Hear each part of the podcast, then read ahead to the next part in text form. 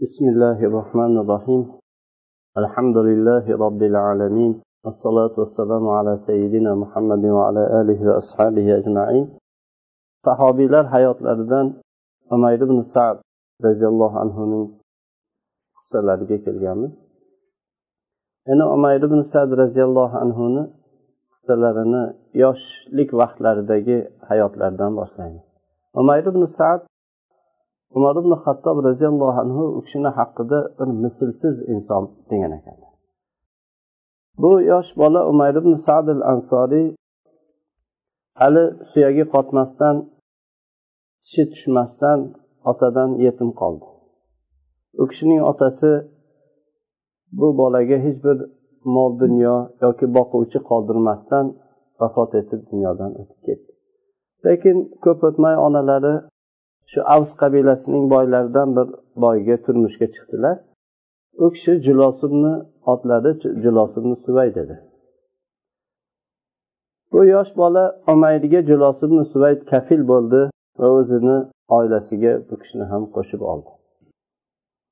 Umay roziyallohu anhu bu julos ya'ni o'gay otalari julosimni suvaydni yaxshiligidan go'zal bir rioyalaridan umayrga mehribonligidan u kishini yetimligini esidan chiqaradigan bir ahvolda bo'ldilar. Umayr julosni shunday xuddi farzand o'z otasini yaxshi ko'rgandek bir muhabbat bilan yaxshi ko'rdilar. Julos ham yosh bola umayrga nihoyatda qattiq qiziqib muhabbat qildi.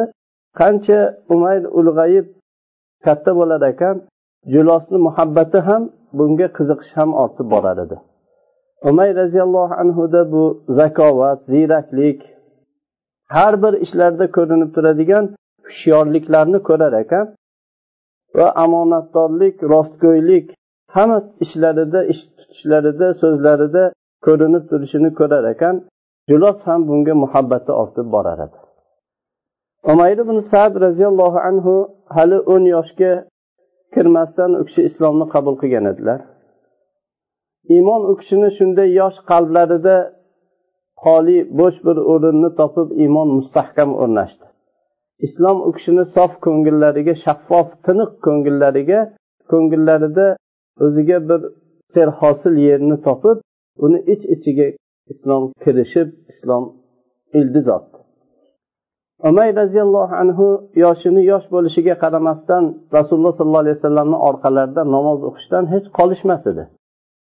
Onalari gohi o'zi gohida eri jilos bilan o'g'lini masjidga borib qaytishini ko'rar ekan. Buni ko'rgan paytda uni tamom quvonch o'rab olardi. Shunday xursand bo'lib qarardi. Yosh bola bu umayr ibn sadning hayotlari mana shunday yo'sinda kechar edi. Xotirjam musaffo hech uni tozaligini bir narsa kir qilmasdan uni xotirjamligini biror narsa bulg'amasdan hayot kechiradi shu vaqtda bunday yosh go'dak bo'lgan bolani alloh subhanava taolo og'irlikda qattiqlikda juda shiddatli bo'lgan bir imtihonlarga ko'ndalang bo'lishliklarini olloh xohlagan edi. Va buni yoshidagi yigitchalardan oz o'tadigan bir imtihon bilan alloh taolo imtihon qilib ko'rishni olloh xohlagan edi. Hijriy to'qqizinchi yil to'qqizinchi sana edi. Rasululloh sollallohu alayhi vasallam tabuk yeriga g'azot qilishlikni ya'ni tabuk yerida rumlarga jang qilishlikni qasd qildilar. Va musulmonlarni bu jangga tayyorgarlik ko'rib bunga tamom tayyorgarliklarini hozirliklarini ko'rishga buyurdilar. Rasululloh sollallohu alayhi vasallamni odatlari bir jangga bormoqchi bo'lsalar uni ochiq aytmas edilar. Va o'zlari qasd qilgan tarafdan boshqa tarafni xohlayotgandek qilib shu odamlarga gumon qildirardilar. Lekin bu tabuk g'azotida unday qilmadilar chunki bu tabuk g'azotini odamlarga ochiq bayon qildilar. Biz tabukka jangga boramiz dedilar.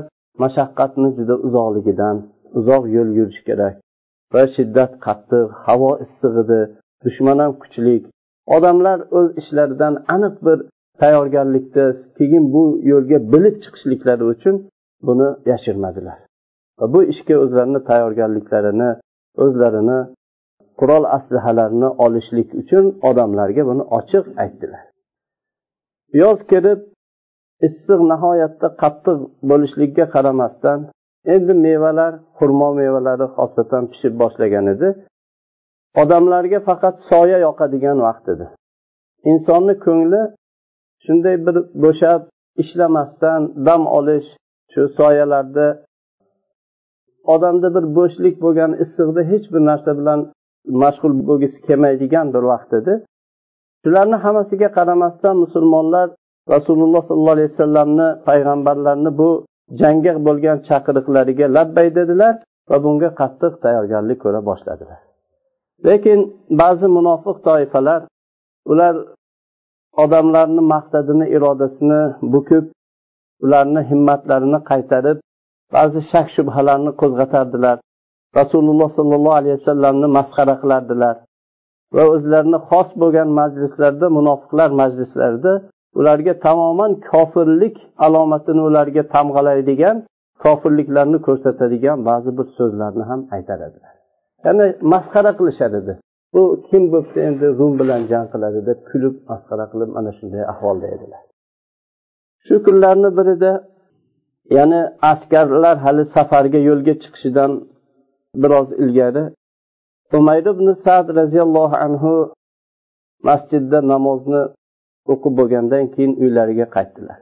U kishini qalbida ko'nglida musulmonlar sarflayotgan va u kishi o'z ko'zi bilan ko'rgan musulmonliklarni fidoyiliklari quloqlari bilan eshitib turgan musulmonlarni saxovat suratlaridan bir qanchasi u kishini qalbida shunday hollanib ichiga shu to'lib shundan bir zavqlanib uyiga qaytib bordi. Hatto muhojir ayollar ansor ayollar rasululloh sollallohu alayhi vasallamga kelib qo'llaridagi quloqlaridagi shu taqinchoqlarini yechib rasul sollallohu alayhi vasallamni olloh yo'lidagi g'azotga boruvchi askarlarni buni puli bilan tayyorlashlik uchun rasululloh sollallohu alayhi vasallamga bu taqinchoqlarni hammasini chiqarib berardilar.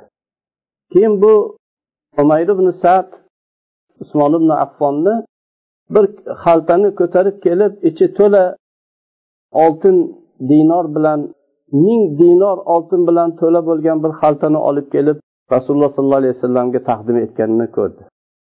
Abdurahmon ibn avf yelkalarida ikki yuz o'qiya oltinni olib kelganligini va ulug' bu payg'ambar sallallohu alayhi vasallamni oldilariga qo'yganligini ko'rdi. Balki umayr ibn sad o'zini uyidagi jihozlarni ko'rpa to'shaklarini sotib uni puliga olloh yo'lida jang qiladigan bir qilich sotib olishlik uchun uydagi jihozlarini bozorga olib chiqib sotayotgan odamlarni ham ko'rdi. Shunda umayr ibn sad bunday ajoyib mislsiz ko'rinishlarni suratlarni shu xayollarida o'tkazib o'gay otalari julosni rasululloh sollallohu alayhi vasallam bilan birga safarga chiqishga tayyorgarlik ko'rishdan bu kishi shu beparvo bo'lib o'zini orqaga surib yurganligidan va o'zi qodir bo'lib turib boy bo'lib turib dunyosini bunga sarflashligidan u kishi hayron qolardi. Shundan ajablanib keldi. Keyin xuddi bu kishi shu julosni himmatini qo'zg'atishlikni xohlab julosning ichidagi bir hamiyatini qo'zg'atmoqchi bo'lib u kishiga shu o'zi ko'rgan o'zi eshitgan bu qissalarni o'gay otasiga qissa qila boshladi. Xosatan u rasululloh sollallohu alayhi vasallamni oldilariga kelib rasululloh sollallohu alayhi vasallamdan nihoyatda katta qiziqish bilan ollohni yo'lida jang qiladigan bu g'oziylar bu askarlarga o'zlarini qo'shib olishliklarini so'rab kelganlar. Ularni qo'llarida bir narsa yo'q. Rasululloh sollallohu alayhi vasallam ularni birga olib ketishlikka bu karvonga qo'shib olishlikka bir narsa topolmaganliklari uchun ularni rasululloh sollallohu alayhi vasallam qaytarib yubordilar. Shunda ular shu g'amdan ularni shu jihoddagi orzulariga yetkazadigan narsani topolmaganliklaridan shahidlikka bo'lgan shavqlarni hosil qiladigan narsani topolmaganliklaridan g'am chekib ko'zlaridan yosh to'kilib qaytib ketganlarini bu qissalarni aytib berdi. Lekin u kishini bu o'gay otasi julos umayrdan bu gaplarni eshitar ekan og'zidan bir so'z chiqdi bu mo'min yigitni tamoman fikrini qalbini uchirib yubordi. Yana julosdan shunday deganlarini eshitdi. Agar muhammad ya'ni nauzubillah agar muhammad bu davo qilayotgan nubuvvatida sodiq bo'lsa unda biz eshaklardan ham yomon ekanmiz dedi. Shu gapni gapirib qo'ydi. Umayr bu eshitgan so'zidan u kishi dahshatga tushdi lol qoldi. Bunday julosni aqli bo'lgan inson julosni yoshida bo'lgan inson og'zidan mana bunday egasini iymondan shu lahza birdaniga iymondan chiqarib uni ko'rga katta eshigidan kirgizadigan bu so'z og'zidan chiqishidan bu kishi lol qolgan edi. Xuddi bu daqiq hozirdagi hisob hisob qiladigan moshinalar tez hisobga kirganga o'xshash masalalar berilsa bu yosh yigitcha umayrning aqli ham endi bu ishga bu gapga nima deyish kerak nima ish qilish kerak deb tez shu fikr qila boshladi. Dan jim qoldi. Ollohu rasuliga bo'lgan xiyonatni bekitishlik haqida. Bekitadigan bo'lsa bu jilosga indamaydigan bo'lsa islomga ya'ni munofiqlar unga makr qilayotgan islomga ular fitna uyushtirayotgan bu islomga zarar deb ko'rdi. Unga indamaslik uni aybini bekitishlik. Bu ollohu rasuliga xiyonat deb bildi. Bu eshitgan so'zini gapirsa borib bu gapni tarqatsa unda bu ota o'rniga tushib qolgan kishiga oq bo'lishlik bor. Buni buncha qilgan yaxshiliklarni hammasiga bir yomon javob qaytarish bor. Bu julos bu umayrni yetimlikdan o'ziga joy berib qabul qilib oldi. Faqirlikdan bu behojat qildi. Otasini bu yo'qotgan otasini o'rniga bu ota bo'lgan edi. Bu endi bu yigit ikkita yo'lni birini tanlash kerak edi. Uni shirini eng zaharlik bo'lgan va tez ixtiyor qildi. Jilosga shunday burilib qaradi. Aytdiki allohga qasamki ey jilos dedi. Yer yuzida muhammad ibn abdulloh sollallohu alayhi vasallamdan keyin sizdan ko'ra menga suyumliroq men yaxshi ko'radigan hech kim yo'q dedi. Meni oldimda siz odamlarni eng afzalisiz menga ko'p yaxshilik qilgan insonsiz. Siz shunda bir gap gapirdingizki bu gapni men zikr qilsam sizni juda sharmanda qilaman. Agar bu gapni yashirsam omonatimga xiyonat qilaman. Ham o'zimni ham dinimni halok qilaman. Men rasululloh sollallohu alayhi vasallamga borib bu gapingizni aytishlikni qasd qildim va bu siz aytgan so'zni xabar beraman. Siz ham shunga bir tayyorgarligingizni ko'ring. Bundan xabardor bo'lingan. Umayr ibn sad masjidga bordi. Nabiy sollallohu alayhi vasallamni topib rasululloh sollallohu alayhi vasallamga bu jilos ibn suvayddan eshitgan gapini ana shunday dedi deb gapirib berdi rasululloh sollallohu alayhi vasallam bu yerda o'tir dedilar. Umayrni oldilarida olib qolib bir sahobiyni borib jilosni chaqirib keling deb yubordilar. Ozginadan keyin jilos keldi rasululloh sollallohu alayhi vasallamga salom berdi. Va rasululloh sollallohu alayhi vasallamni oldilariga o'tirdi. Payg'ambar sallallohu alayhi vasallam jilosga qarab bu umayr ibn sad sendan eshitgan so'z nima? dedilar. Va umayrni aytgan so'zlarini jilosga shunday shunday debsan deb rasululloh sollallohu alayhi vasallam aytdilar. Shunda jilos turib qarab aytdiki yo rasululloh menga yolg'on gapiribdi dedi. Tuhmat qilibdi dedi. Meni og'zimdan bunday gap chiqqani yo'q bu yosh sahobiy e, shunda sahobalar atrofda o'tirgan sahobalar bir jilosga qarardilar bir umayrga qarardilar. Xuddi bularni qalbi bekitgan sirni yuzlaridan bilib oladigandek unga boqardilar bir unisiga qarardilar. Keyin pichir pichirlar ham boshlandi. Ba'zi qalblarda marazi bo'lganlardan bittasi aytdiki bu oqpadar dedi. Shuncha yaxshilik qilgan odamga tuhmat qilib bunday yomonlik qiladi. Yana boshqasi aytdiki yo'q bu bola ollohni toatida ulg'aygan doim masjiddagi bola. Uni yuzlarini yuzlaridan shu ko'rinib turibdi rost aytganga o'xshaydi dedi. Rasululloh sollallohu alayhi vasallam shunda umayrga qaradilar. Bu xabarni olib kelgan bu yosh yigit umayrga qaradilar. Umayrni butun yuziga qon to'lgan edi. Va ikki ko'zidan yosh oqib turar edi. Bu yoshlari yuzlariga keyin ko'ksiga oqib turar edi. U duo qilar edi. Yo olloh o'zini payg'ambaringga men gapirgan narsani hujjatini o'zing nozil qilgin deb buni takror takror so'rar edi. Shunda julos yana gap boshlab aytdiki yo rasululloh men aytgan gapim to'g'ri dedi. Agar xohlasangiz sizni oldingizda qasam ichishamiz dedi. Men ham qasam ichaman umayr ham qasam ichsin dedi. Men qasam ichaman dedi shu gapidan keyin. Men qasam ichaman bu umayr bu yerga olib kelgan bu toshib kelgan gapdan hech bir narsani men gapirmaganman qasam u qasamini tugatar tugatmas odamlar endi umayr ibn sadga qaradilar. U nima deydi? U ham qasam ichadimi? Shunda rasululloh sollallohu alayhi vasallamni bir e, sakinat bir oromlik o'radi. Sahobalar bildilarki vahiy kelyapti. Shunda hammalari joylarida qimillamay jim qoldilar. Butun a'zolari qimillamasdi jim xomushlikni lozim tutgan edilar. Qalblari rasululloh sollallohu alayhi vasallamga ko'zlari qalblari rasulullohga bog'langan edi. Shu yerda keyin jilosni yuzida qo'rquv ko'rina boshladi. U yoq bu yoqqa intilib qarab goho shu umayrga bir mehribonlik bilan qarab bir mehr kutib qarar edi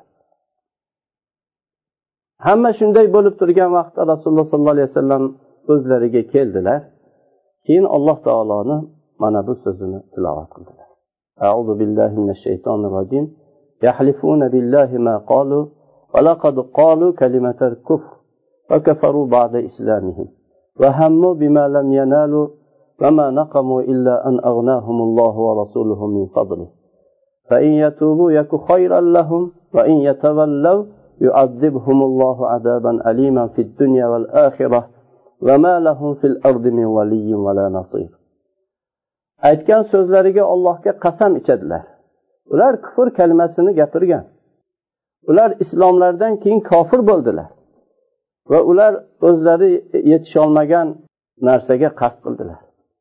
Ular olloh taolo o'zini fazlidan behojat qilib rasul ollohni rasuli sollallohu alayhi vasallam o'zini fazlidan uni boyitib qo'ygan narsadan shunday bir yomonlik bilan javob qaytardilar. Shundan ular g'azablandilar.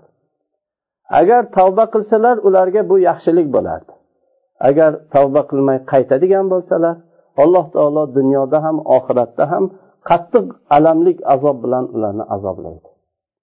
Keyin ularda yer yuzida hech bir yetakchi yordamchi bo'lmaydi degan oyatlar nozil bo'ldi. Shunda bu eshitgan narsasini dahshatidan jilosni qaltiroq bosdi. U titrar edi. Tili bu jazadan tili bog'lanib qolgan edi.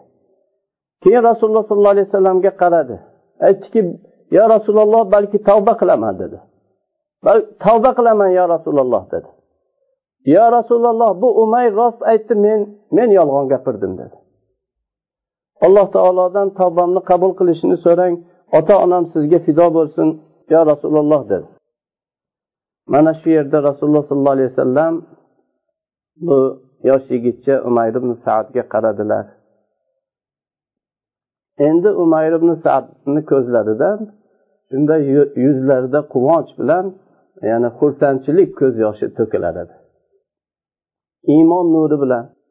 Shunday nurlik yuzlarida yuzlarini ho'l qilib yig'lar edi u kishi. Shunda rasululloh sollallohu alayhi vasallam muborak qo'llarini bu yigitni qulog'iga uzatib e, juda mehribonlik bilan qulog'idan ushlab ey bola qulog'ing bu eshitgan narsasida senga vafo qildi. Robbing ham buni tasdiqladi deb qo'ydilar. Jilos qaytib islom jamoasiga qaytdi bundan keyin jilosni islomi juda go'zal nihoyatda islomi chiroyli bo'ldi. Sahobalar roziyallohu anhu jilosni ahvolini yaxshi bo'lganligini umayrga qilayotgan yaxshiliklaridan umayrga qilayotgan mehribonliklaridan ular buni ko'rishar edi. Qancha umayr zikr qilingan vaqtda julos aytar ediki umayrni olloh mendan yaxshilik bilan mukofotlasin. Meni kufrdan qutqazdi meni bo'ynimni jahannamdan ozod qildi dedilar. Mana shunday yoshligidan shunday imtihon shunday go'zal bir iymonlik bo'lgan sahobiy umayr ibn sad roziyallohu anhu edilar. Lekin bu kishini bu yosh bolalik vaqtidagi sahobiylik suratlari suratlari bu u kishini katta bo'lganidagi ya'ni katta bir ulug' sahobiy bo'lgandagi suratlari u yoshliklaridagi holatdan kam emas qolishmaydigan bir holatlar bo'lgan. U kishini hayotlarida bundan ham go'zalroq bundan ham chiroyliroq suratlar bo'lgan. Inshaalloh keyin bu davomida u kishini shu katta yoshdagi sahobiy bo'lgan vaqtlaridagi ko'rinishlari suratlariga uchrashamiz. Ungacha assalomu alaykum va rahmatullohi va barakatuh.